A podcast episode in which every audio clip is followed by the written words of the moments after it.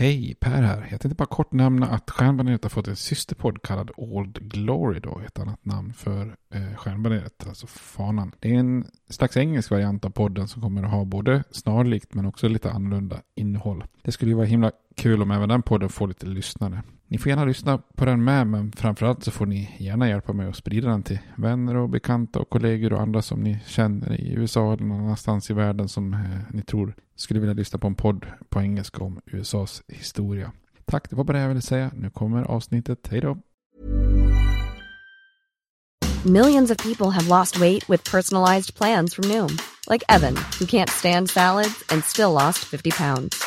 Salads, generally, for most people, are the easy button, right? For me, that wasn't an option. I never really was a salad guy. That's just not who I am. But Noom worked for me. Get your personalized plan today at Noom.com. Real Noom user compensated to provide their story. In four weeks, the typical Noom user can expect to lose one to two pounds per week. Individual results may vary.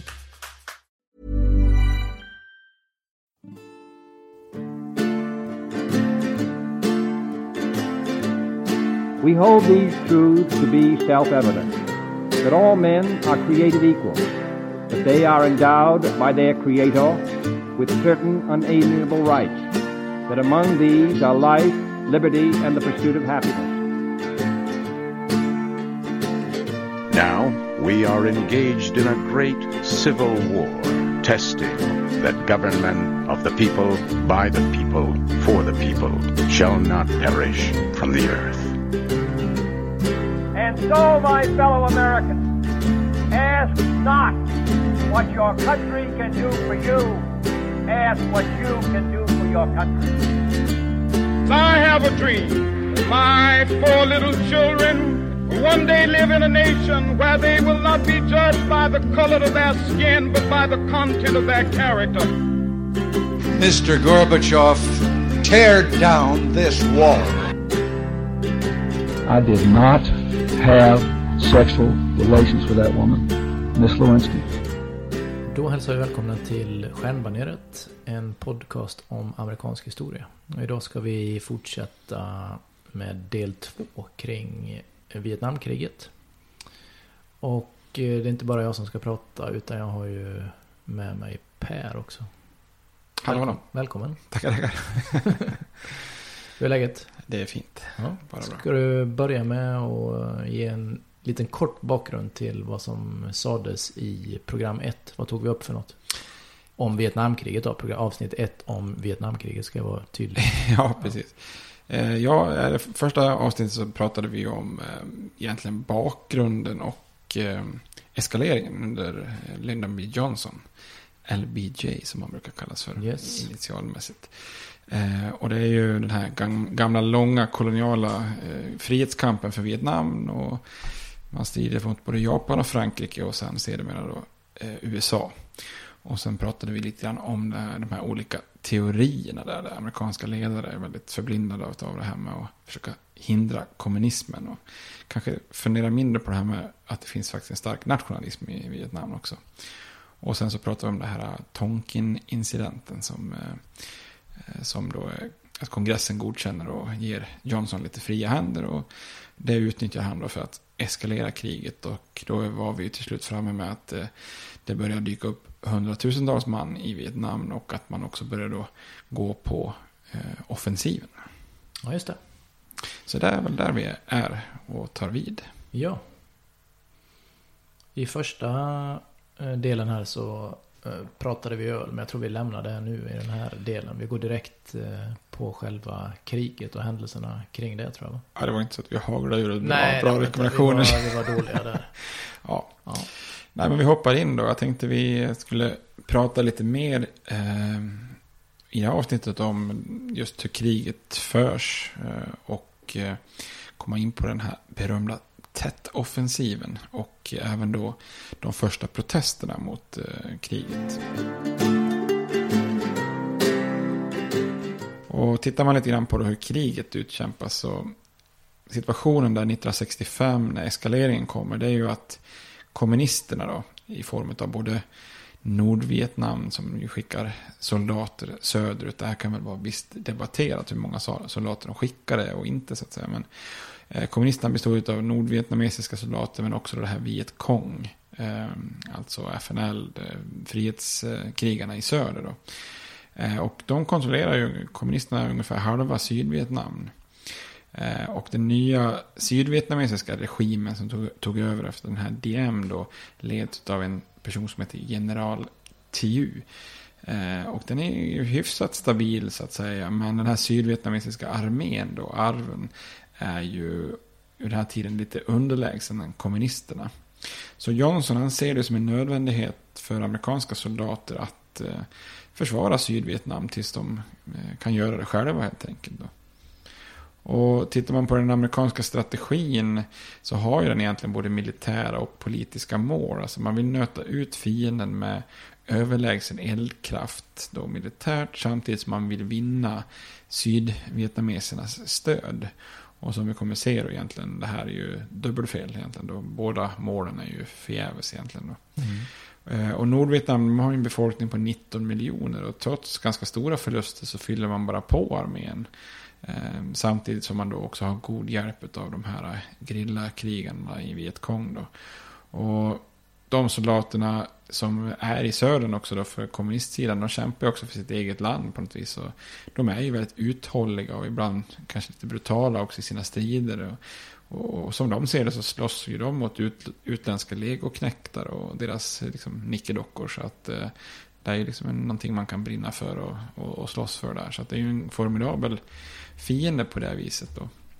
Eh, och en sak som är viktig att viktigt att ta upp på en gång tycker jag, det är ju att USA angriper ju aldrig Nordvietnam direkt. Eller det, så ska jag inte säga, för de bombar ju som bara den i Nordvietnam. Men man, man eh, anfaller ju aldrig Nordvietnam med marktrupper för att liksom invadera och slå ner Nordvietnam. Eh, och det är ju väldigt mycket en, ett arv från Koreakriget. Eh, för man vill inte riskera att dra in Kina i kriget. Mm. För om man ska snabbsummera Koreakriget så var ju, fanns det ju också en uppdelning liksom mellan nord och syd. Mm. Och sen så, så eh, anföll ju kommunisterna från norr liksom för, och, och, tog över väldigt mycket av syd.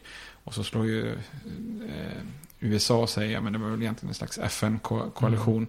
slår ju, går ju till motattack och, och eh, börjar pusha tillbaka dem. Och då nöjer man sig inte med att bara komma tillbaka till den här eh, skiljelinjen där längs den här bred, kända breddgraden. Utan då fortsätter man ju upp i Nordkorea. Och när man då sen nästan har tagit hela Nordkorea och närmar sig kinesiska gränsen. Det är då Kina går med i kriget igen. Och så helt plötsligt pressas de tillbaka. Och sen så blir det ju någon slags eh, stillestånd då, som ju faktiskt råder än idag. Även om mm. det, var, det var inte så många dagar sedan de pratade om att de skulle försöka få till ett, ett faktiskt freds... Nej, så.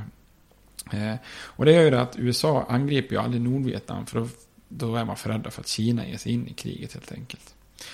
Eh, och amerikanska förluster de ökar hela tiden då. Mellan åren 65 och 66 så ökar de tiodubbelt då. Från att man har förlorat 636 snubbar 65 så förlorar man då 6664 66. Oj, det vart mycket siffror där. Ja, och mycket eh, sexor. Ja, verkligen.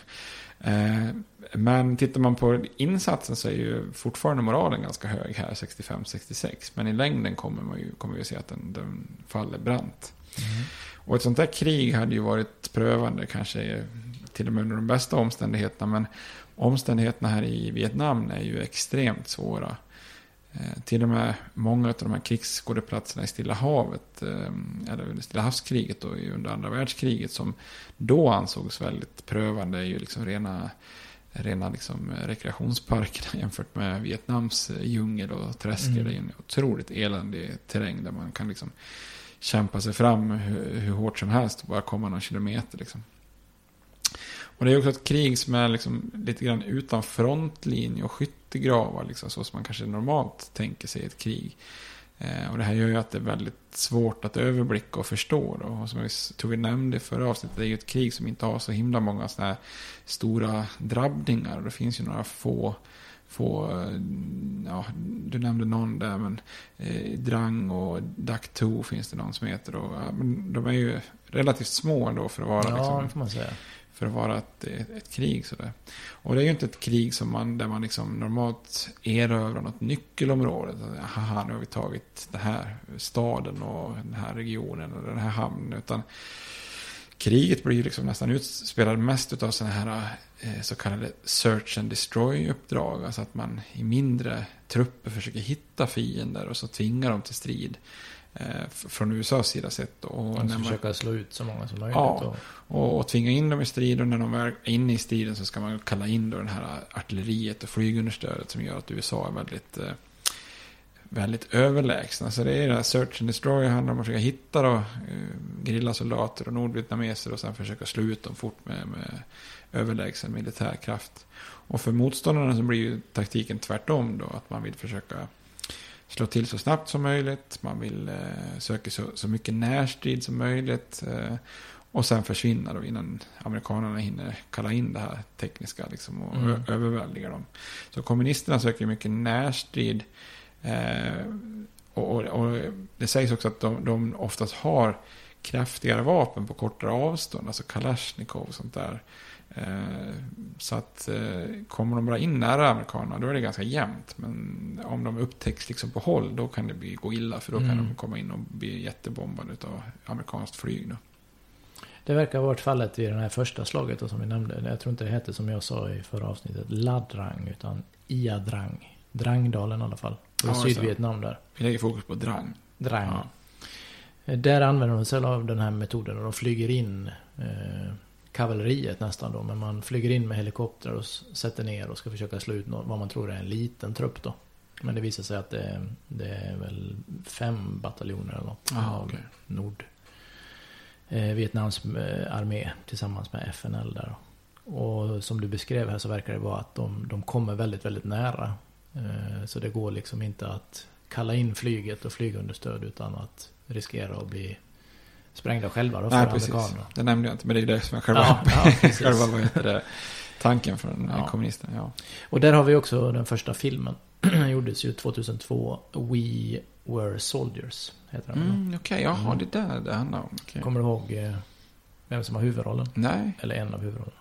Det är ju den gode Mel Gibson. ja, ja, ja, just det. Ja. Det visste du väl? Ja, jag, tänkte säga, jag tänkte säga, du menar Mel Brooks?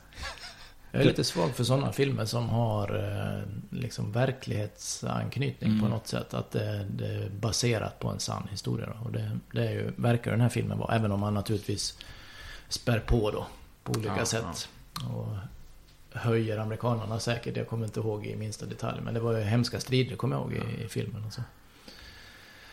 Eh, De använder ju de här helikoptrarna också som är ganska kända. Sen Huey heter de? De här, eh, de är väl, till en början tror jag de inte är eh, beväpnade. Utan det är bara som transporthelikoptrar. Ja. Men sen hänger man ju på de här eh, M60 på dem tror jag? På Ja. varsin sida. Det är de här som är lätta på hop-on, hop-off. Ja, liksom, så här. precis, Mm. precis.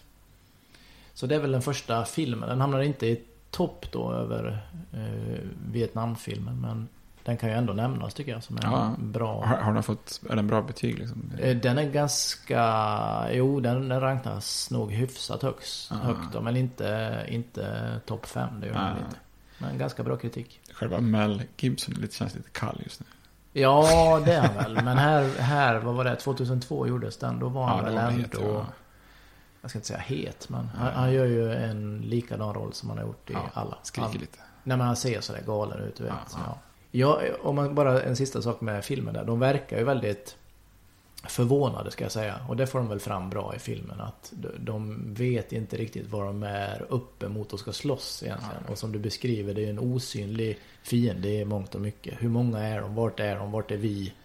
Det, det, man, den känslan får man verkligen av filmen där. Ja. Att det är en väldig oreda. Och de, de blir liksom, ett av de här eh, kompanierna blir ju lite avskurna och det liksom går inte att hämta dem heller. Och det, de måste ta sig igenom eh, den här terrängen. Och de, det, är liksom helt nytt för soldaterna. Det tycker jag de väl, verkligen fångar i, Ja. i filmen. Så. så det kan man ju säga. Ja, men det låter ju, låter ju verklighetstroget Ja. på något vis då. Och tittar man till, då var ju det kanske lite större strider, men eh, tittar man på hur, mycket av kriget utkämpas så är det ju att man är ute i sådana mindre patrullgrupper och man går några dagar, sen går man hem och vilar, sen går man ut igen några dagar, släpps ner på något ställe. Ehm, och under sådana här uppdrag så går man runt, kanske ibland till och med liksom slags geometriska mönster eller cirklar liksom för att leta efter eh, fienden då. Och fienden är ju någon man inte ser, men som någon slags underrättelse säger finns där ute någonstans liksom. Ehm, och man har ingen aning om vad som är front, flank eller rygg. Ehm, och i den här värmen och den här eländiga djungeln så blir man ju snabbt trött. Så att det sägs ju att de, vissa nästan somnar stående liksom. Och de bär ju runt på mycket utrustning också, många kilo liksom. Och sen liksom när de är ute och går där liksom om och om igen så plötsligt när de minst anar det så helt plötsligt börjar de bli beskjutna av fienden då. Eh, och för ett ögonblick senare så liksom, ja, smälter de in i, i djungeln och är borta liksom igen då. Och man kan ju tänka sig att det måste vara en ganska nervpärsig grej att bara gå runt sådär och vänta på att man hittar någon eller blir beskjuten. Alltså. Mm. Men det känns, känns inte det som en, en... Eh, att historien upprepar sig lite. Jag, jag, tänker mig att det var så det såg ut lite när britterna då skulle liksom slå ner det här upproret. Eh, när kolonierna ville slå sig fria. Att de blivande amerikanerna då jobbade lite på det sättet. I slags gerilla stöd. De, de ville ju inte ställa upp sig på slagfältet direkt och liksom mötas man mot man så. Nej, nej. Det sägs ju att eh, britterna tyckte att de kämpade som eh, the Indian way. Liksom. Ja, alltså precis. Mer som eh, utnyttja terräng och ja. skog och sånt. Ja, men. Jo, man får tillbaks. Ja, what, goes around comes around. Ja. Så, ja. Ehm, och Vietnamkriget är ju inte ett krig som man liksom erövrar viktigt territorium och sen håller det. Utan istället så försöker amerikanerna vinna kriget genom att eh, då döda kommunisttrupper och deras allierade snabbare än de kan ersättas. Så här blir det något slags diffust utnötningskrig och det är ju det är oerhört svårt att mäta framgång. Alltså hur vet man att man är på väg att vinna? Och det är där det här begreppet body count kommer in då. Eh, mycket framtaget utav eh, Kennedys och Johnsons utrikesminister som heter Robert McNamara. Eh, och han kommer ju införa ett system att vi kan ju i alla fall mäta hur många sådana här Vietkong vi dödar. Och att det då är ett mått på framgång. Så alla officerare får hela tiden rapportera in då hur många fiender man tillintetgör. gör. Och så de här siffrorna kom ju till och med upp på nyheterna på kvällen på tv liksom i USA. Då. Men det här var ju otroligt missledande mått. Eh, för McNamara han är ju liksom en sån här vän av statistik och klassisk liksom ekonomisk rapporteringsstruktur. Eh, han har ju en bakgrund på Harvard Business School och har jobbat inom Ford-koncernen då innan han blir minister. Eh, så det här leder till massa rapporteringsfusk och missar. Det är precis som vilken eller på att säga, ekonomistyrning som helst. Eh, eh, om man jobbar inom managementkonsultområdet så vet man att det, liksom, styrning kan ju lätt bli fel för att folk försöker fixa till siffrorna så att det ska se bra ut. På. Och man blir ju till exempel befordrad utifrån bra siffror och det finns ju ett stort incitament att fuska. Så alla nivåer överdriver ju sina rapporter för att det ska verka vara bra. Då. Så är det någon Hittar man någon vietnames som är död, ja då är det Vietkong såklart. Då mm. prickar man ju av en till liksom på, i statistiken. Alla vill liksom få bra siffror. Eh, och i värsta fall leder det inte bara till fusk utan även att brutalisera kriget. Eh, att man faktiskt dödar fler än man behöver. Liksom. Eh, och på toppnivå så blir man ju dessutom vilseledd och tror att kriget går bättre än vad det faktiskt gör. Då. Så vissa strider och vissa eliminerade fiender, de existerar ju kanske inte i verkligheten, men bara i statistiken. Man kanske inte har samma geografiska plats två gånger, rapporterar som två framgångar och så vidare. Så det blir ju en, en otroligt eh, konstigt sätt att mäta krigsframgången då. Och USAs taktik är ju att utnyttja sin så här tekniska överlägsenhet och döda motståndare i så hög takt att man liksom då vinner kriget. Och amerikanerna är ju då beroende av den här högteknologin och, eh, och den här den här omfattande militära byråkratin och deras önskemål om att soldaterna ska ha komfortabla kvarter gör ju att de har alltså enorma sådana logistiska vad heter det, heter overheadkostnader, alltså eh, kringkostnader liksom för, för det som är det huvud, huvudsakliga grejen. Då. Så de här amerikanska baserna i Sydvietnam, de var ju gigantiska. Och det är en massa baracker i metall med aircondition och mässhallar, biografer, bowlingbanor och livsmedelsbutiker. Du vet allt så att de gör att de ska känna sig mm. hemma. Och det sägs till och med att det fanns 40 ställen i Sydvietnam där soldaterna kunde köpa glass som producerades på plats. Liksom. Mm. Eh, som en slags liksom, eh, lyx. Och jämför man då under andra världskriget så var 39 procent av personalen i armén stridande trupper. Och under Vietnamkriget så kräver den här ofantliga logistiken då så mycket så att det är bara 14 procent av personalen som är eh, stridande trupper av de som är på plats då. Men de här kommunisterna de står ju pall då eftersom de för ju ett helt annat typ av krig. Eh, nordvietnamesiska och vietkongsoldater de, ja, de kan ju som kontrast kan de ju glömma allt vad heter air condition. Liksom. De, de, de, de, de ligger inte direkt och skopar i sig Ben Jerrys som man säger så. Eh, för deras högkvarter och baser är ju oerhört små. Eh, läggs eh, inte sällan till alltså någon typ grottformation i naturen eller någon eh, kanske extra eländig del av djungeln så att man ska eh, inte bli upptäckta, att man inte syns. För då syns man så blir man ju bombad. Så även om kommunisterna som strider mot USA här bara hade kanske ungefär en fjärdedel så mycket eh, trupper som, som USA och det här arven då, syd, sydvietnamesiska armén, så kunde man ändå nästan matcha dem i antalet stridande trupper, för de har inte så mycket liksom, eh, som overhead liksom, i, som, som, som, runt omkring då. Nej. Och det är inte lätt att sköta hälsan i fält för soldaterna. Eh, det sägs att underkläder kunde ruttna på kroppen och ja, men du vet, en massa sjukdomar med djur, djur och mask och skit. Och man svettas ju kopiöst, liksom, kanske nästan mer än man hinner dricka. Liksom. Eh, och nordvietnameserna, de har det ju ännu värre. Liksom. De är ju hemifrån i jättemånga år och får mycket sjukdomar. Eh, får ju en del sjukdomar för att de inte får så mycket sol. Det är ju ironiskt i ett land som mm. har mycket sol. Men de är ju under vegetationen och i sådana här grävda gångar och sånt där. Så det är ju många som sen till exempel får reumatism efter kriget. Det är brist på D-vitamin då? Man får Precis. De behöver sådana här droppar som man ger barn mm. när de är små.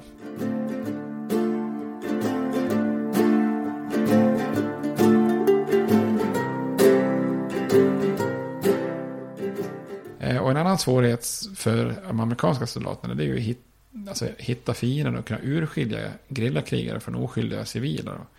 För amerikanerna de förstår ju varken språk eller kultur hos den här befolkningen som man ska försvara. Så man är väldigt svårt att skilja vän från fiende. Och de här grillakrigarna är ju också lite svåra att hitta. För ena stunden kan de ju bära vapen och slå till mot amerikanerna. Och i nästa stund så har de gömt sina vapen och åtgått till jordbruket och ser ut som vilken oskyldig risbonde som helst. Liksom. Och allt det här leder till att de amerikanska soldaterna börjar liksom se vietnameser, alla vietnameser som mer eller mindre fientliga och liksom distansera sig från den här befolkningen som man faktiskt har kommit för att försvara. Då. Så varje by verkar liksom fientlig nästan. Då. Mm.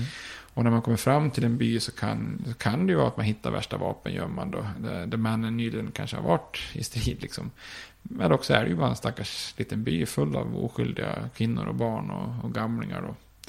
Så det händer ju så att om man sätter eld på vissa hus så, så kanske det exploderar liksom av någon ammunitionsgömma i taken eller något sånt där. Eh, och i vissa fall så bara bränner du ner ett helt oskyldigt hus. Liksom. Mm. Så det blir som ett moment 22 då. Det här sammanfattas väl egentligen bäst av en amerikansk officer som en gång försökte förklara att We had to destroy this town in order to save it. Och då, då börjar man fatta hur sjukt kriget ja. är. Liksom, och, eh, hur, hur otroligt eh, svårt det är att liksom göra något vettigt av det här. Och kriget är ju också lite brutalt. Det sker ju en hel del krigsbrott och övergrepp som vi kommer att komma till senare. Då.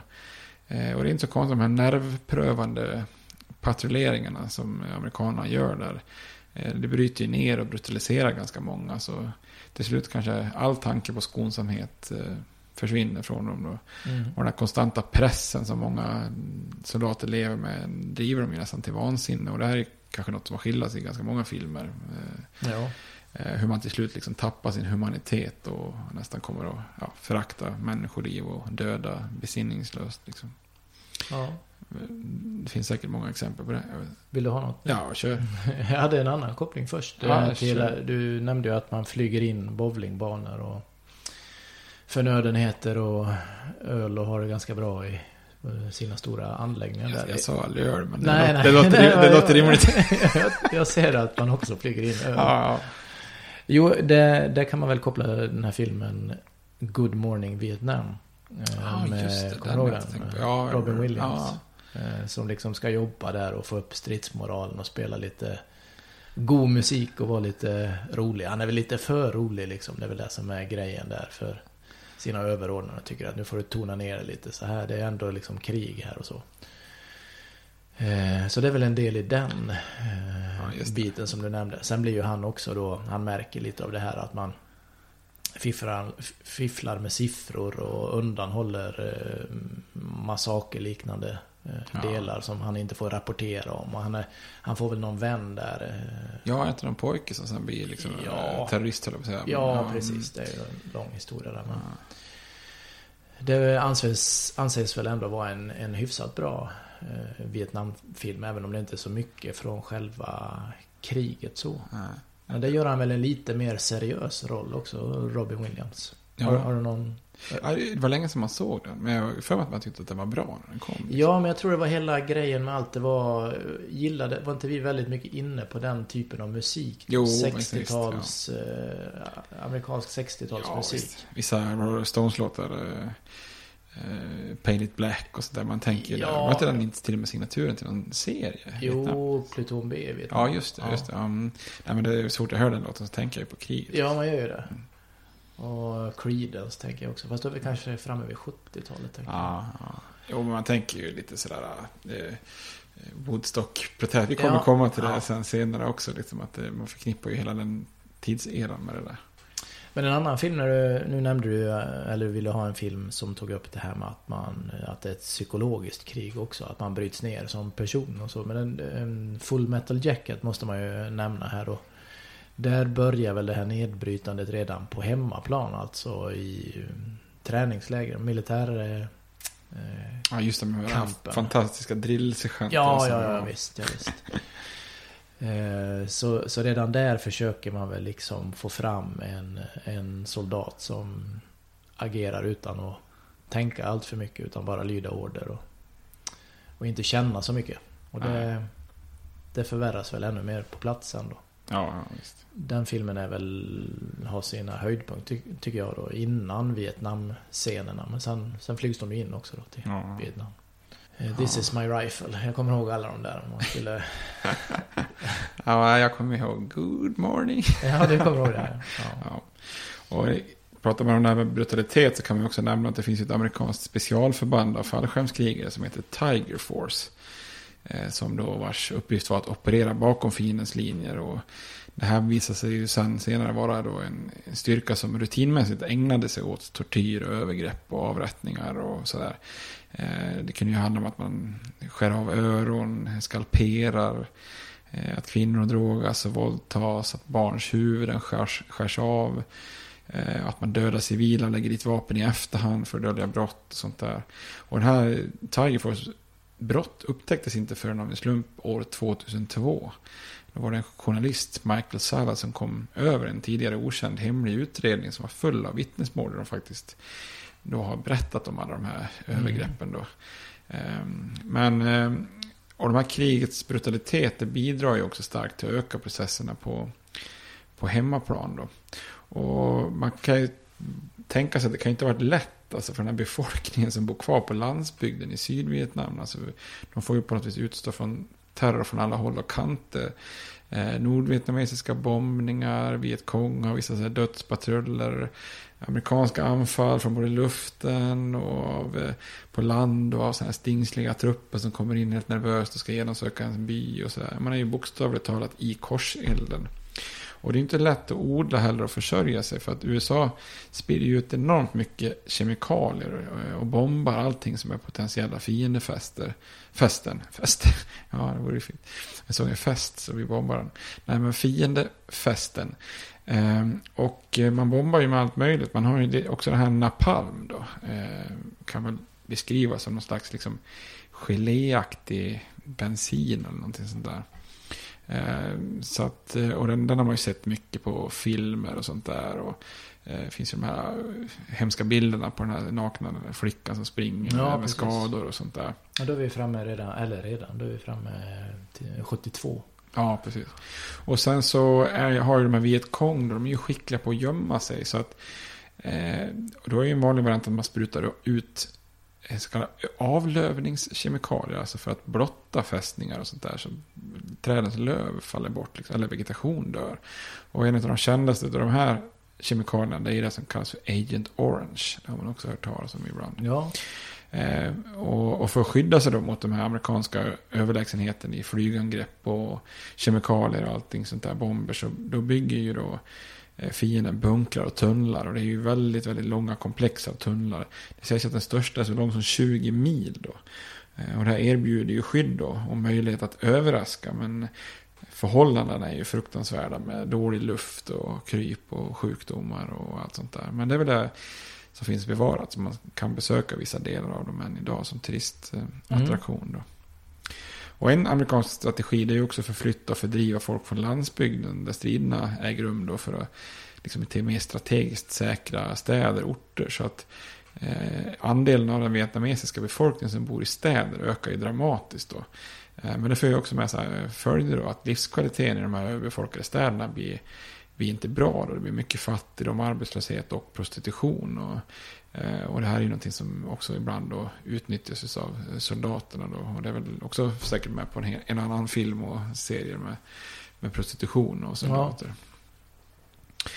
Ja. Eh, strategiskt då är det ju liksom lite fördel Vietkong och Nordvietnam. För allt de behöver göra är att hålla ut vad som än händer.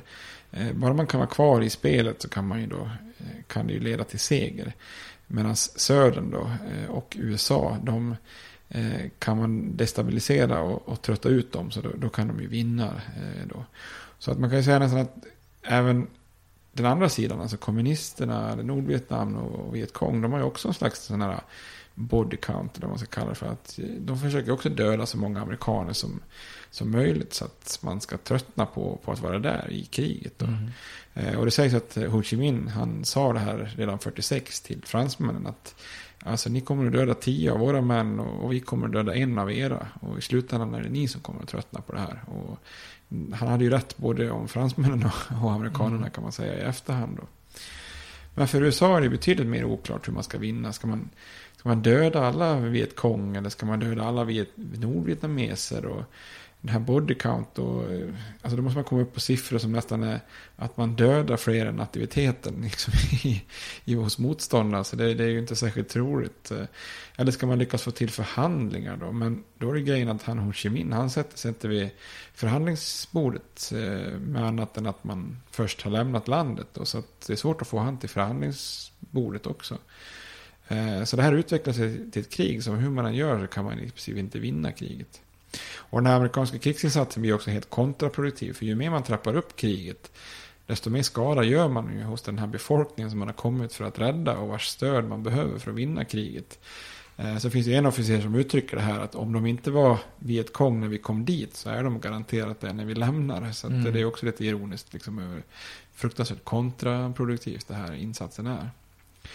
Och en, en aspekt som sällan nämns men som jag tycker kan vara viktig att nämna det är att eh, Vietnamkriget är ju på något vis inte bara en militär konflikt utan det är ju också en slags massiv kulturkrock. Och den här kulturkrocken får väldigt stora efterspel också på det militära. För Alltså amerikanerna de kommer ju dit med sin ideologi och tänker gärna i termer av expansion, obegränsade framsteg, eh, fullständig tillit till teknologi och man lägger hellre vikt i framtiden än att eh, begrunda det förgångna. Man gillar ett samhälle som är mobilt, konkurrensutsatt, individualistiskt och så vidare. Och det här är liksom totalt motsatsen mot eh, den vietnamesiska kulturen och ideologin. Då. Där lägger man enormt stor vikt vid självförsörjande byar. Och de här byarna har inte förändrats nämnvärt på kanske flera hundra år. Och i de här byarna så centreras livet liksom runt familjen och minnena av tidigare generationer. Eh, kunskap och vanor liksom förs vidare då, eh, från en generation till nästa. Eh, och mer än 80% av vietnameserna var ju buddister och det här genomsyrar ju liksom deras liv. Då. Så för dem är ju den här amerikanska individualismen och kapitalismen, det är ju någonting som är helt otänkbart och som liksom hotar hela strukturen i deras livsstil. Eh, och vietnameserna, de, de accepterar ju den här eh, kommunistiska revolutionen som Ho Chi Minh driver igenom. Och de doktrinerna, och det är ju mycket för att Ho Chi Minh ser till att basera hela den biten på just bygemenskapen. Eh, Medan då amerikanerna, de bekämpar ju kommunismen genom att förstöra byarna. Och då, och då förstör det liksom själva grundbulten i det vietnamesiska samhället. Så det är ju inte så konstigt att de amerikanska soldaterna upplever att deras räder och, och kriget i stort alltså skapar fler kommunister än, än, än, än, vad man kan befria på något vis. Då. Eh, eller varför amerikanska ledare aldrig förstår sig på den här vietnamesiska nationalismen som, som drivkraft. Man stirrar sig liksom blind på kommunismen. Men, så att det är ju en enorm kulturkrock som liksom, när kriget förs som det förs, det, det går liksom inte att vinna. Nej.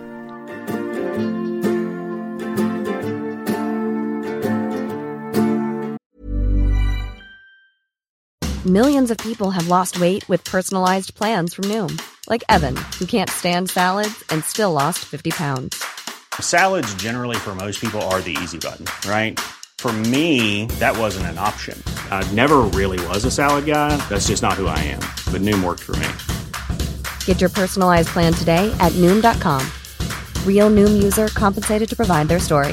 In four weeks, the typical Noom user can expect to lose one to two pounds per week. Individual results may vary.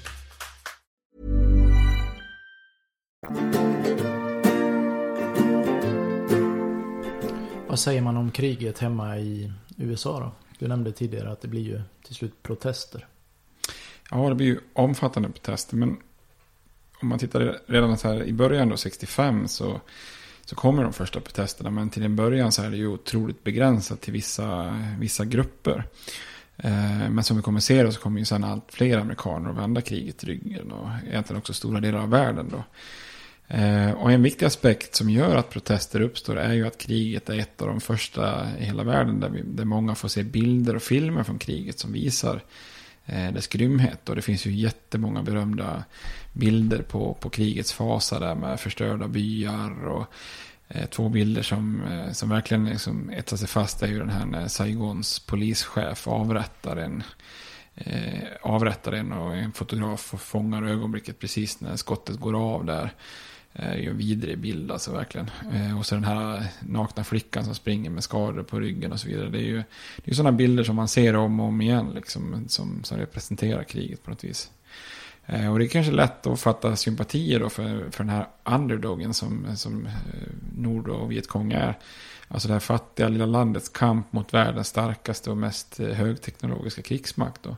Tusentals bomber liksom mot enkla bo bondekrigare. Det var ju verkligen snabbt David mot Goliat. Och försvarsministern McNamara han eh, erkänner faktiskt själv att bilden av världens främsta supermakt som dödar tusentals medan man försöker tvinga en underutvecklad nation till underkasta kasta sig i en fråga vars värde liksom är omtvistat. Det, det är inte vackert liksom. Och man ska komma ihåg att de här krigsmotståndarna och protestant, protest, eh, protestanterna i USA eh, har ju ingen liksom central organisation eller gemensam politisk linje. Utan att det är ju liksom lite olika grupperingar. Vissa de insisterar ju på att man omedelbart ska få slut på både bombningarna och kriget. Och andra är liksom kanske lite mer försiktiga och vill att man ska förhandla fram en fred och så vidare. Då. Eh, och i USA, till skillnad från andra delar av världen som Sverige, så finns det ju väldigt få som aktivt liksom stödjer FNL. Då. Mm. Men i Sverige hade vi ju en del FNL-grupper och, ja. och sådana saker. Då. kommer vi komma tillbaka till då. Eh, men de första protesterna inträffar väldigt ofta på studentcampusområden. Då. Och man tar egentligen till samma vapen som medborgarrättsrörelsen kör. Då. De har ju haft sådana här så kallade sit-ins, alltså att man går in på ett ställe där man inte till exempel serverar svarta och så sätter man sig där och kräver att man ska bli serverad och så sitter man kvar oavsett vad som händer. Då. Mm. Eh, och det är ju så här sit-ins då. Och de här seriösa Vietnamprotesterna på, på universiteten, de kör ju så kallade teach-ins då, att man upplyser om kriget och alla dess fel och så vidare då. Sen brukar man skoja att det finns också lite mer oseriösa studenter. De, de kör be-ins, alltså lite hippie, bara vara tillsammans och röka lite, jäva med varandra. Mm. Men de här Vietnam... Jag hade en, eh, en jättebra lärare på universitetet som hette Mark Katz. Han eh, undervisade i eh, religion, hade jag honom i. Han mm. var student här någon gång då hemma i USA. Han var från Amerika alltså. De, hade, de gjorde sådana här aktioner att på den tiden var det inte speciellt dyrt med en bil i USA. Du kunde köpa en, en bil ganska lätt. Så de köpte tre, fyra stycken. Åkte ut då på motorvägen i de här trefiliga. Och så liksom bara stannar man bilen. Och tre stycken på rad i de tre filerna. Och så lämnar man dem där och så kastar man nycklarna och så sprang man då. För att liksom få stopp. Okej. Okay. Ja, vad roligt. Det är Park Inst. Ja, det kanske ja. är Park Inst eller vad det Ja, vad roligt. Ja. Det var ju effektfullt. Ja, men det är inget jag liksom har eh, kollat upp om det stämmer. Men han berättade så inlevelsefullt där hur de Ja, gjorde och så. Ja, vad roligt. Ja. Då måste bilarna vara jävligt billiga om har råd med det. Ja, han beskrev det som 50 dollar alltså för en bil. Jag vet inte om det, det var ju dåtidens pen, penningvärde. Men, Ja, men då, det, det kan inte ha kostat många tusen lappar. ja, ja. Spännande. Mm. Och sen kan man också se en utveckling bland de här Vietnamprotesterna. För de, den sammanfaller ju också ganska mycket med medborgarrättskampen då för afroamerikanerna. Och att den kampen också radikaliseras. För Martin Luther King han har ju haft den här icke-vålds... Eh, eh, filosofin och då har det ju varit mycket sådana här sit-ins, eh, kallas freedom rides, när man åker buss som, som, eh, till områden med segregation och så vidare. Eh, och så att, att det har varit juridiska processer som har lett till det här med att man inte får diskrimineras i utbildning och så, och så att säga. Men ungefär när Vietnamkriget börjar blossa upp allt mer, då blir ju den här medborgarrättskampen lite mer aggressiv. Och vi har allt det här med vet, Black Muslims, Malcolm X, Black Power, Svarta Pantrarna och så vidare. Mm. Och, eh, och det är ju rimligt för, för alla afroamerikanska att liksom protestera mot kriget. Så att de svarta bär ju liksom en tyngre börda än vita. Men den här radikaliseringen innebär också att många eh, afroamerikanska medborgarrättskämpar, de säger liksom lite grann till sina vita allierade som har varit med i den här rörelsen att det här liksom, nej, det här är vår kamp liksom. Eh, det är vi som får stå upp för det här. Ni får liksom kanske kämpa för någonting annat istället som ni bryr er om. Och då är det ju många som tidigare kanske engagerat sig för de svartas kamp som nu liksom tar avstånd från de här radikala grupperna för man tycker att när det väl går över och blir det här med Black Power och Svarta Pantrarna, då är det liksom för radikalt för oss. Så då är det ju många som då in, inom, eh, bland de vita amerikanerna då, inom den här rörelsen istället börjar lägga sin energi och kamp just på antikrigsrörelsen som är mot Vietnamkriget. Och, och i fronten så är det ju oftast då studenter vid universiteten eh, och, och deras kritik blir ju liksom bred och mot konsumtionssamhället, ett slags eh, socialistisk kritik mot kapitalism, att USA är inne på helt fel väg. Alltså ett system som skapar ett krig med ett fattigt u-land är ju i grunden fel och omoraliskt. Och de här protesterna brukar man sätta etiketten på den nya vänstern. Mm. Ehm, och en av de mest kända krigskritikerna från första början det är ju Jane Fonda faktiskt. Eh, Hon reser till och med till Nordvietnam och det gör ju att många kallar henne regelrätt för förrädare. Liksom. Eh, Så hon är betydligt mer kontroversiell än vissa nuv- nuvarande som engagerar sig. Ja. Typ Angelina Jolie eller något liknande.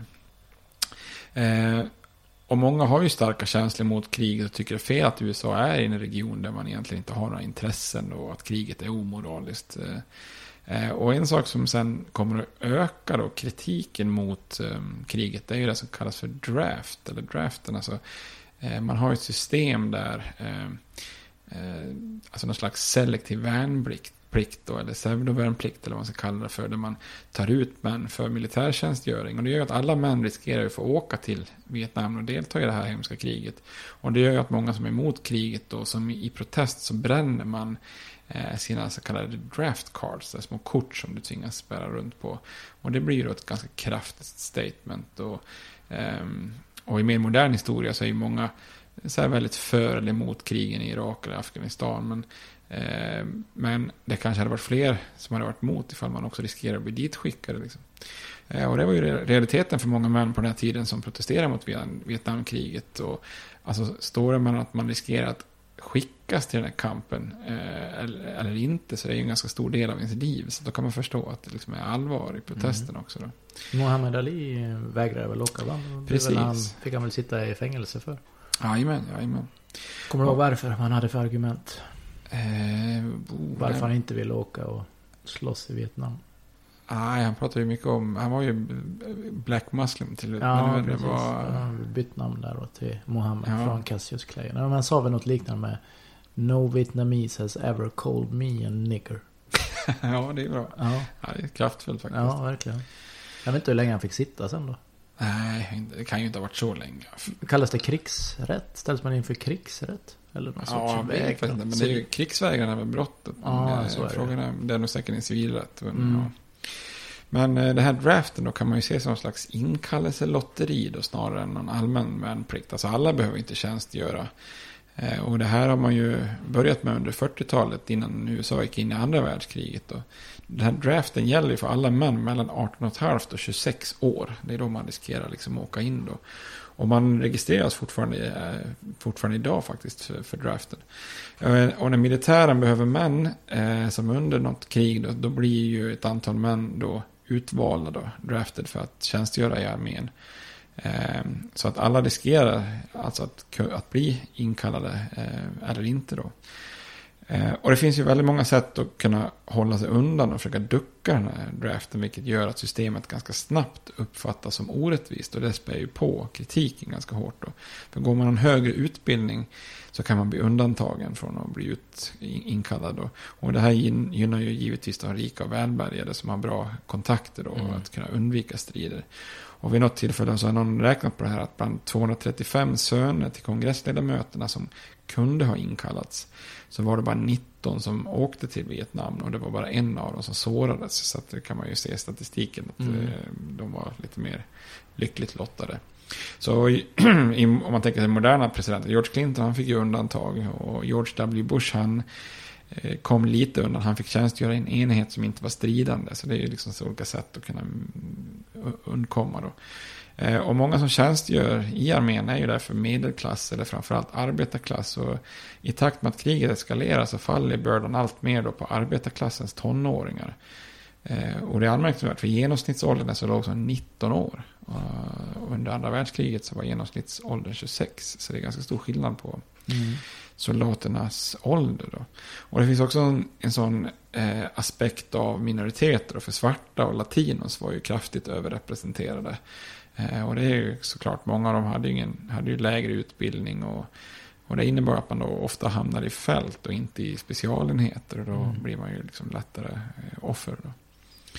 Eh, ett, ett sätt att bli undantagen är också att inte klara de fysiska testerna. Eller om man har vissa religiösa övertygelser. Om man är typ kväkare till exempel. Som man är pacifist och sådär. Så kan man också undgå det.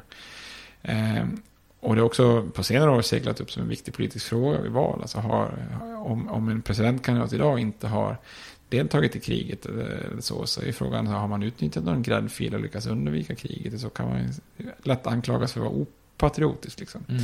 Det var ju någonting man inte kunde eh, klanka ner på John McCain fall. Nej. Så det här draftsystemet blir ju ganska snabbt kontroversiellt och, och reformeras 71 så att det ska bli mer rättvist. Att man försöker renodla den här lottningen så att alla som alla måste tjänstgöra oavsett om du går en högre utbildning. Så har man så här liksom kommittéer eller draftboard som, som, eh, som ofta består av lite inflytelserika personer som är de som ska då ta ut. Och då försöker man eh, se till att det blir neutralt också. Då. Eh, andra sätt man kunde göra för att undvika att utsätta sitt liv i kriget är att man kunde, det eh, var många som tog värvning frivilligt. Det låter lite paradoxalt, men om man tar värvning frivilligt så har man större möjlighet att påverka vilket förband eller enhet man skulle strida i. Och då kan man ju hellre hamna i en truppstyrka som inte är så särskilt troligt att man hamnar i strid. Mm.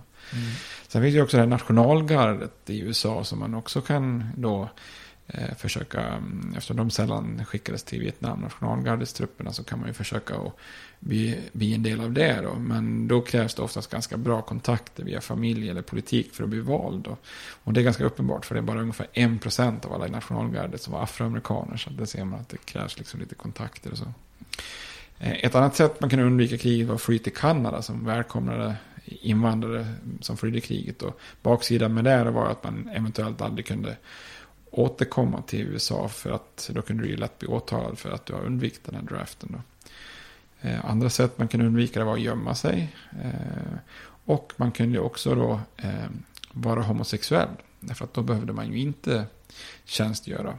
Så om man var heterosexuell så kunde man ju försöka spela homosexuell för att slippa då.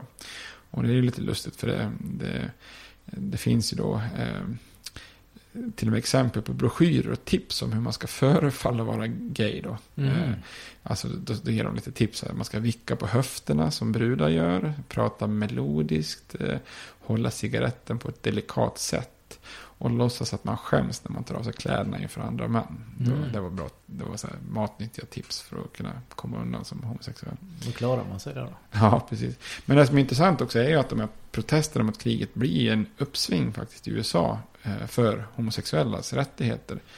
Eh, för många kommer ju ut, eh, för det finns ju en tydlig poäng här plötsligt med det. Du kan slippa kriget om du, Mm. om du kommer ut eh, som homosexuell. Då. Så att, att vara homosexuell blir lite mer, alltså det normaliseras lite grann då. Nackdelen är ju att man å andra sidan kan hamna på eh, FBI's listor och att det blir svårare att få jobb och sånt där. Så att det finns ju såklart lite nackdelar om man kommer ut som gay också då så att säga. Eh, men, man ska komma ihåg också att de som till en början protesterar mot kriget eh, i USA är ju en väldigt högljudd del av framförallt studentrörelser i städer och den här eh, nya vänstern. Majoriteten av amerikanerna stödjer ju kriget i början. För många är det helt otänkbart att kritisera landet när det är i krig. Man, man såg att alla protester är i, i princip att du kritiserar soldaterna och kritik mot alla som tjänstgör och tjänstgjort kanske i, inom armén och att det är opatriotiskt eller till och med förräderi och, och protestera mot kriget. Och de här proteströrelserna de försvarar sig såklart med att de enbart utövar sin ja, nationella rätt eller rättigheter i, med, free speech och sånt i, i tillägget till konstitutionen. Men den här antikrigsrörelsen är ju inte populär i början i den breda massan då i, i USA. Eh, för där accepterar man kriget eh, till en början. Och det är inte så konstigt för de flesta nyheterna var ju positiva. Och kriget föreföll ju gå väldigt bra liksom. Och, Mm. ja, då finns det ingen större idé. Då. Eh, så de här protesterna har ju egentligen ingen som helst inverkan på hur man för kriget. Den här eskaleringen sker ju oavsett då. Men i slutet av 60-talet så börjar den här opinionen svänga även i USA. Och då helt plötsligt är det ju inte bara radikala kretsar utan det blir liksom folk i allmänhet. Då. Och få kanske kan tänka sig att gå med i en proteströrelse för att liksom vara ute på gator och torg och sånt där. Men långsamt så börjar eh, allt fler amerikaner känna sig lite så här nedslagna och förvirrade över kriget. Och dess, ja, vad är det för mening med det här kriget egentligen? Eh, och så kommer den här känslan av att de amerikanska ledarna döljer vad som händer i Vietnam. Och ju mer USA eskalerar kriget, desto mer ökar protesterna och desto mer spritt blir missnöjet. Det är liksom som två kurvor som liksom följer varandra. Mm. Eh, och det som verkligen då får trovärdigheten för bland ledarna och, och missnöje med kriget att öka, det är ju det som kallas för tätt-offensiven. Mm. Och tätt-offensiven sker ju 1968. Och jag antar att det är då filmen Tillsammans med Lukas Moodysson Ja, utspelar det sig. det. Eller strax efter det, Ja. på 70-talet. För det är ju en grabb där, han heter ju Ted. Ja, precis. Han har fått, fått namnet. Det är lysande tycker jag. De Ja. känns lite vänsterorienterade, den familjen då, eller? Ja, de är nog hyfsat eh, positiva till FNL kan man Ja, tänka det sig. tror jag.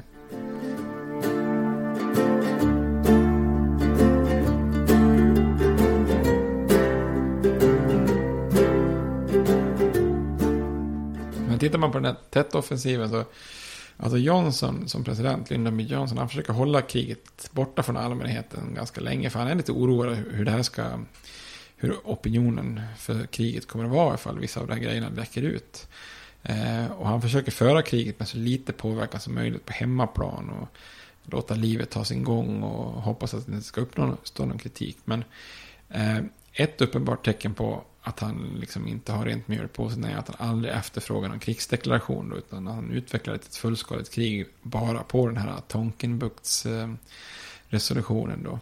Och ett annat tecken är att han låter försvarsdepartementet ge missvisande information om vad kriget egentligen kostar. Alltså han ljuger rakt av eh, Mm. med kostnaderna. Att, att ljuga om kriget blir liksom som en slags rutin då för de översta ledarna.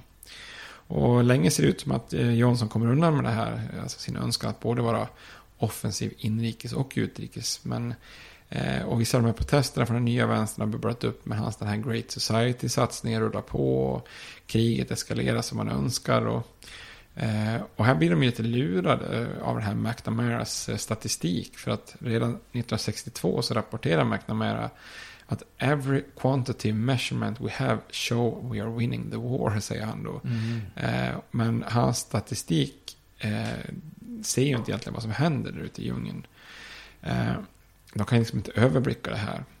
Eh, och 1968 så går det högsta befälet i Vietnam, han heter general William Westmoreland. Eh, då går han ut med en väldigt optimistisk rapport. Eh, enligt honom så har de här amerikanska och sydvietnamesiska trupperna ökat i styrka eh, och självförtroendet eh, medan då fiendens moral har sjunkit och att USA är på väg att vinna kriget. Då. Så att när han uttalar sig om det så blir det lite jippi. Men precis strax efter då, i januari, eh, så inleder då, 68 då, så inleder kommunisterna en jättestor motoffensiv. och det är den som får tätt. Jag tror tätt är någon slags högtid eller någonting mm. enligt någon kalender där. Eh, men det är anfaller de från Nordvietnam då? Eller? Ja, det är, det är, fram, eh, ja, det är framförallt faktiskt som vi kommer se då Vietkong då, alltså de här grilla kommunisterna ja. i Sydvietnam som får gå i bräschen för det här. Men, eh, men även nordvietnamesiska trupper kommer ju bakom då. Och det är totalt 70 000 trupper som går på offensiven då. Attackerar mängder av platser i, i Sydvietnam och Westmoreland och eh, amerikanerna blir lite tagna på sängen här. Eh, så att eh, de här Vietkong-trupperna, de når ju liksom självaste Saigon då. Den ligger ju ganska långt i söder där, mm. huvudstaden i Sydvietnam. Eh, och de är faktiskt till och med framme till skottlossning precis nära den amerikanska ambassaden innan de tvingas tillbaks. Eh, och tusentals civila mördas under det här. Eh, framförallt i en gammal kejsarstad som heter Hue. Eh, där striderna är som blodigast. Men med hjälp av den här eldstyrkan som amerikanska trupperna har och de, deras allierade så slår man tillbaka den här tätt-offensiven. Eh, för tätt då blir det mer som ett normalt krig, alltså en stor offensiv på många fronter. Och mm. Då blir det ganska lätt för amerikanerna att egentligen vinna. Då. Så att militärt sett var ju den här offens tätt-offensiven ett, egentligen ett misslyckande. Därför att Eh, kommunisterna lider ju enorma förluster då. Bara vid den här staden eh, Hue så, så stupar 5000 kommunister medan 400 eh, sydvietnamesiska och 150 amerikaner stupar. Mm. Och på flera ställen så är den offensiven över bara några dagar. Då. Och just Vietkong då, som är just det här grilla kommunistiska krigarna i södern då, de förlorar enormt stort. Så det är egentligen från 68 framåt som eh, som de nordvietnamesiska trupperna själva får bära den tyngsta bördan. Då. Eh, och det sägs också att Nordvietnam faktiskt offrade lite av den här grillan då eh, först, alltså att de fick vara först i offensiven. Mm. Eh, och att det liksom var en strategi för att grillan hade ju lite olika mm, liksom, grupperingar och alla var inte kanske kommunister. Och det var bra att offra de icke-kommunistiska elementen först. Då. Men problemet med tätt för USA då är att det är en enormt bra PR-offensiv för kommunisterna. Och det blir ju en enorm psykologisk vändpunkt i kriget. Eh, alltså att man ens kunde genomföra en sån här stor offensiv, det liksom pulveriserar ju Westmorelands optimistiska rapport. Då. För ena stunden har ju amerikanska ledare sagt att kriget går bra, eh, vi är nära att vinna. Och så helt plötsligt så kommer en enorm överraskningsattack över hela södra Vietnam. Eh, som eh, som det innan verkar som att eh, USA och deras allierade höll ganska starkt. Då. Eh, så tätt är ju definitivt en vändpunkt. Och man kan ju nästan säga att det är här USA förlorar kriget politiskt. Eh, Alltså både i Vietnam och på hemmaplan. För fram till 68 har armén haft en relativt ändå god moral. Men nu går det ju väldigt snabbt utför med den amerikanska moralen. Mm. Och tätt-offensiven chockar ju de amerikanska ledarna och den amerikanska opinionen. Ehm, och kommunisternas förmåga att gå till en sån här omfattande attack till och med i Saigons centrum. Det visar ju att amerikanska befäl och ledare, alltså en dag har de ju ljugit om kriget. Eller ännu värre då kanske har de ju lurat sig själva och låtit, låtit sig luras. Men mm. vilket som är det ju bara eh, bara dåligt. Då. Så här gör ju, tätt-offensiven gör ju att det uppstår en enorm förtroendekris mellan vad Johnston, Johnson-administrationen säger och vad som faktiskt verkar hända i Vietnam. Så 68 blir ju också starten då krigsopinionen vänder. Då, för då, nu börjar ju allt fler tvivla på kriget. Eh, och till slut blir det en majoritet som är emot kriget. Mm. Eh, och en sak som är väldigt tydlig då är att den här alltså presskåren från USA, den är ju oftast baserad i Saigon. Och när det sker en sån här liten strid här och där, då hinner de inte på plats. Och de får inte bevittna särskilt mycket liksom så. Eh, utan de har ju mest liksom rapporterat från, från sina hotell då. Men nu kan de ju då rapportera om strider bara på liksom några gator från de här hotellen som de bor på i, i Saigon.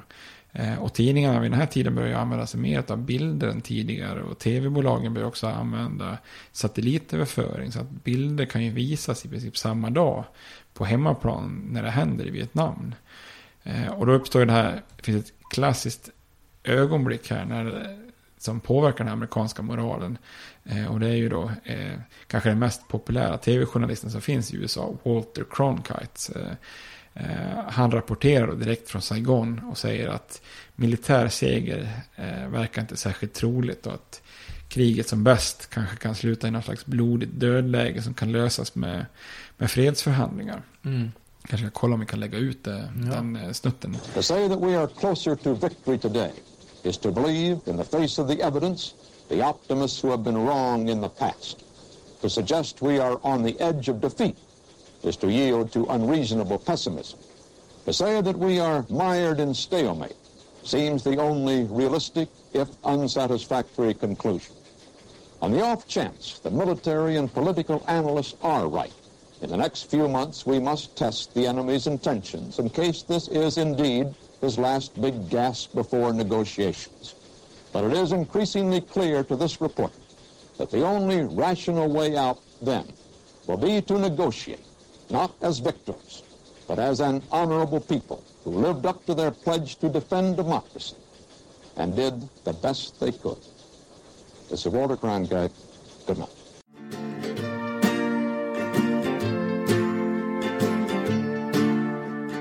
Men, och han Walter Cronkite, han är sån här, annars brukar han rapportera om de här rymdprogrammen. Han är så här som en liten barn på, på lekland, liksom glad i testa tyngdlöshet och sådär. Och nu är han helt nere liksom och rapporterar kring Vietnamkriget. Och, och en enskild bild också då som upprör många i USA, det är just den här berömda när Saigons polischef det är ju under Tet-offensiven när han avrättar en, fångelse, eller en fånge med pistolskottet så här, mitt framför reporternas kameror eh, Mm. mot tinningen då.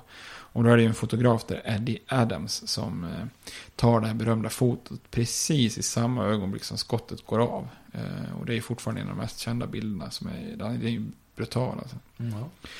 Så krigsprotesterna ökar ju då och den kom ju, krigsprotesterna kom ju också i en tid som brukar kallas för den här alltså motkulturen uppstår.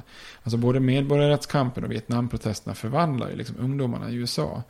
Eh, så unga människor blir ju lite mer oroade över sin framtid. De är lite mer aktiva, högljudda och lite annorlunda. Eh, man klär sig lite annorlunda än de vuxna. Man lyssnar på andra musik, testar gärna lite droger. Så det blir lite långt hår istället för kort. Eh, färgglada kläder istället för liksom kostymdräkt. Sex före äktenskapet istället för efter. Man byter Frank Sinatra mot Rolling Stones. Och Eh, man byter alkohol mot marijuana och psykedeliska droger och så vidare. Eh, och då börjar det politiska etablissemanget- här runt 67, där de börjar börja oroa sig för det här. För de unga verkar liksom inte längre agera amerikanskt. Det vill säga, de gifter sig inte tidigt och satsar på karriär och familj. Eh, och då går oron då så långt att till och med CIA får order om att mobilisera mot antikrigsrörelsen. Eh, Så samma ledare som tror att det är någon slags världskommunistisk konspiration bakom Nordvietnam, de tror att samma krafter ligger bakom de här protesterna och, och hippierörelsen kan man säga då. Så CIA eh, bedriver då hemlig spaning mot krigsprotesterande medborgare. Kallas för Operation Chaos. Om man samlar in över, ja, alltså info med över hundratusentals amerikaner. Då.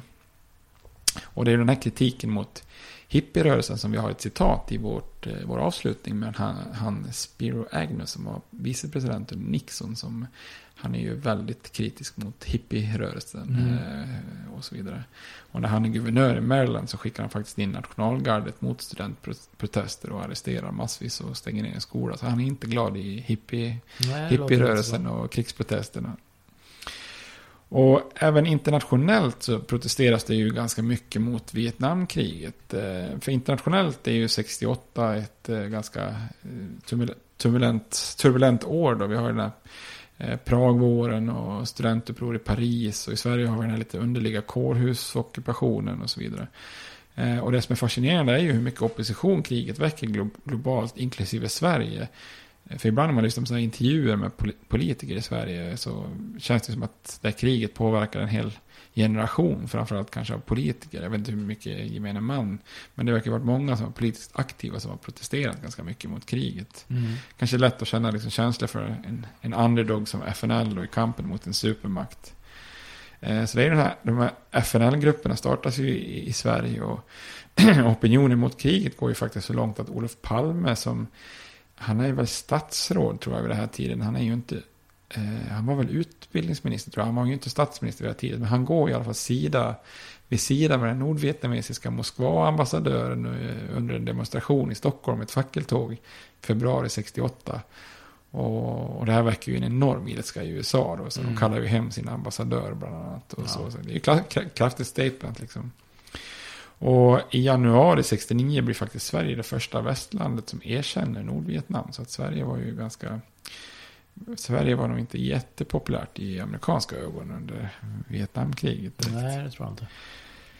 Eh, Och Tet-offensiven tar ju bort alla illusioner om att USA ska kunna vinna det här kriget. Så det, det verkar inte finnas någon direkt realistisk möjlighet till militär seger. Eh, Och även så här högre ledare börjar tvivlar på kriget. Och McNamara tvingas bort av Johnson till exempel. Och, eh, eh, och eh, Lyndon B. Johnson, han börjar inse att han är inträngd i hörnet här. Han förstår att jag kan inte vinna kriget.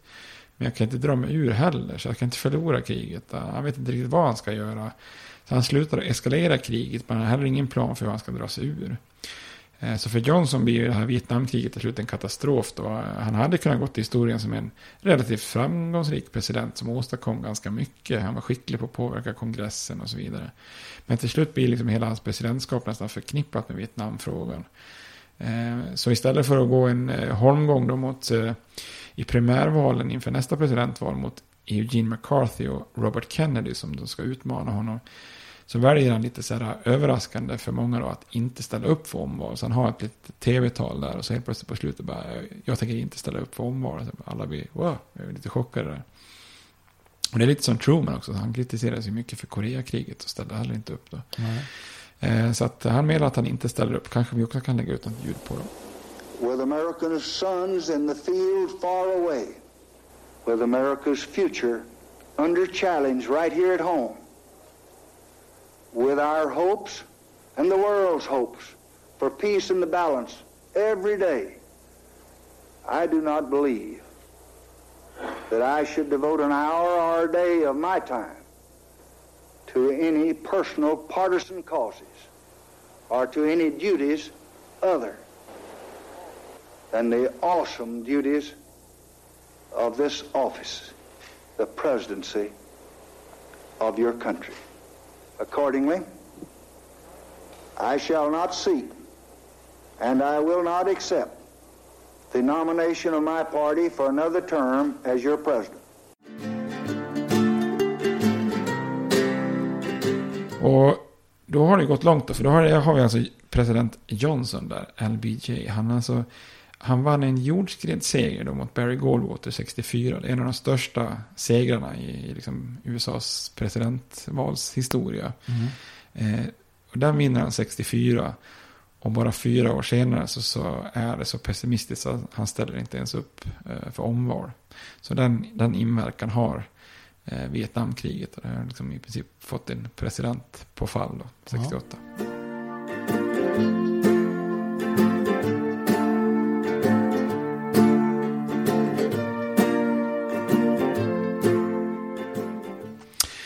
då har vi gått igenom lite kriget som sådant och eh, Fram till krigsprotester. eh, 68 då? Ja, precis. princip, Ja. Så eh, sista avsnittet får vi väl sy ihop påsen. Ja. Men nu har du mycket film hoppas jag. ja, Ja. hur många vill du att jag ska ta här? Ja, hur många har, har du 20? Nej, men vi kan ju ta, vi kan ju ta en, en väldigt bra film som berör kriget, men som berör mycket av den amerikanska historien. Jag tror att vi har nämnt Forrest Gump tidigare, va? Ja, det gjorde vi kanske. Jag tror att vi gjort det vid något tillfälle, men det är ju en del av filmen när eh, Forrest och hans, eh, ja, det som blir hans kompis då, kallas in. Eh, Ja, just det. Ja, Och Lieutenant Dan. ja, de, Ja. eh, de hamnar under befäl av eh, löjtnant Dan. Ja. Lieutenant Dan. Nej men den är, den är ju, det är en bra skildring av kriget också. Även där får man ju känna på det här som du har beskrivit i... eh, Att de vandrar i flera dagar, det regnar och det är varmt och det... Ja, det, ja. det regnar ju i tre månader, det är väl säkert under någon sorts eh, monsunperiod eller något liknande. Men. Och sen blir det stridigheter och de kallar in eh, flygvapnet där Mm, och bombar med napalm bland annat. Och, och annat. Eh, Sen blir han ju skadad och skjuten. Ja, just det. Han räddar ju den här Bubba först. Ja, han räddar ju hela sin, vad det nu kan heta. Ja, just det. det. Jag är för dålig på Ja, Eh, nej, jag, jag, jag, jag, inte- inte bataljon, Nej, det var är inte pluton division. kanske. Nej, Jo, pluton finns det kan det va? vara. Ja. Förband kanske. Förband. Ja, vi vet inte. Nej, men eh, nej. säg att han räddar en 10-12 eh, eh, personer där. Ja, just det. Just det. Babba är inte han som gillar räkor? Jo. Ja, shrimp. Ja. Ja. ja. Nej, men den är ju bra på många sätt. ja. Sen kan man väl nämna också eh, Rambo. Ja, det tycker jag. Det Ja. tycker jag. Den första Rambo-filmen, den heter väl First Blood va? Ja, ja, då är han väl mer, det är väl mer efter Vietnamkriget. Då har han väl kommit hem då. ja för det, det är ju USA. Va? Ja, precis. Ja, och den är ju fortfarande en bra film, men den handlar ju inte direkt om eh, Vietnamkriget. Mer än att han har ju lärt sig fantastiskt mycket där i den vietnamesiska djungeln. Ja, jo. Som han sen då utövar på de här. Hade, du- hade du någon Rambo-kniv du var liten? Med någon slags såg och ja, massa Ja, grejer? det hade jag. Ja, jag förstår inte varför man hade det. Nej, och varför, hur kunde man få det? Det är nästa fråga. Ja. Ja. Ja men det var ju kompass och allting där Ja. i skaftet och tändstickor och snubbeltråd. Jag vet inte vad man skulle ha den till. Det är typ bara kompassen man hade gett sina egna barn. Livsfarligt. ja, var stor som fan. Ja. Ja. Hur Ja. kunde jag få den? Nej, jag vet inte. Ja, Peter och Rosmarie, om ni, om ni lyssnar, kunde Robert? Ja, det var ju hemskt. Ja. Nej men sen eh, kommer det väl följande filmer också som är ganska värdelösa. Men då åker han ju tillbaks till Vietnam på något sätt. Va? Det är Ja, några som är kvar i ett läger vet du. Ja, just det, han ska ta- Ja, ja, ja. krigsfångar. De gjorde en parodi på. Ja, Mm. det är det ju. Ja, ja, ja. ja. Har du eh, har, har berättat historien om hur Rambo fick sitt namn från Hisingen? Nej. Nej, det måste vi, det får vi ta. Vi har spelat in länge, men vi får ta ett eh, parallellspår. Jo, eller jag För det, den är, fan, det är en det. fantastisk historia. För det är ju han författaren eh, David Morrell, tror jag han heter. Morrell, han sitter och skriver på den här. Det är hans debutroman First Blood. Mm. Och så har han ju tänkt sig att det ska vara en Vietnamsoldat där. Och han han har inte riktigt kommit på något catchy namn. Liksom, så han vet inte riktigt vad, vad han ska döpa den här soldaten till. Och så när han sitter och skriver en dag så kommer hans eh, fru hem och, från affären och ger honom ett äpple. Och så tar han en tugga och säger, för det här var ett gott äpple. Liksom. Så frågar han, vad, vad heter det här äpplet? Och säger hon så här, det heter Rambo.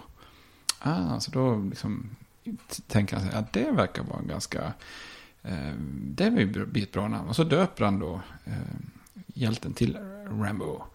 Och eh, det som då är häpnadsväckande i detta det är ju att eh, eh, det här kommer från Hisingen i Göteborg då. För det här äpplet som hon köpte i Pennsylvania 71 eh, odlades, en sort alltså som odlades vid Rambergets fot på Hisingen Mhm. ursprungligen då. Och då är det ju en liten eh, en snubbe, Peter Gunnarsson, som, eh, som alltså utvandrade till den här kolonin, Nya Sverige. Mm. Eh, typ 639. Eh, så, och han då eh, tar sig namnet Peter Gunnarsson Rambo för att eh, få något lite bättre på plats i... Rambo. Ja, precis. Rambo. Ja. Eh, efter berget där hemma då.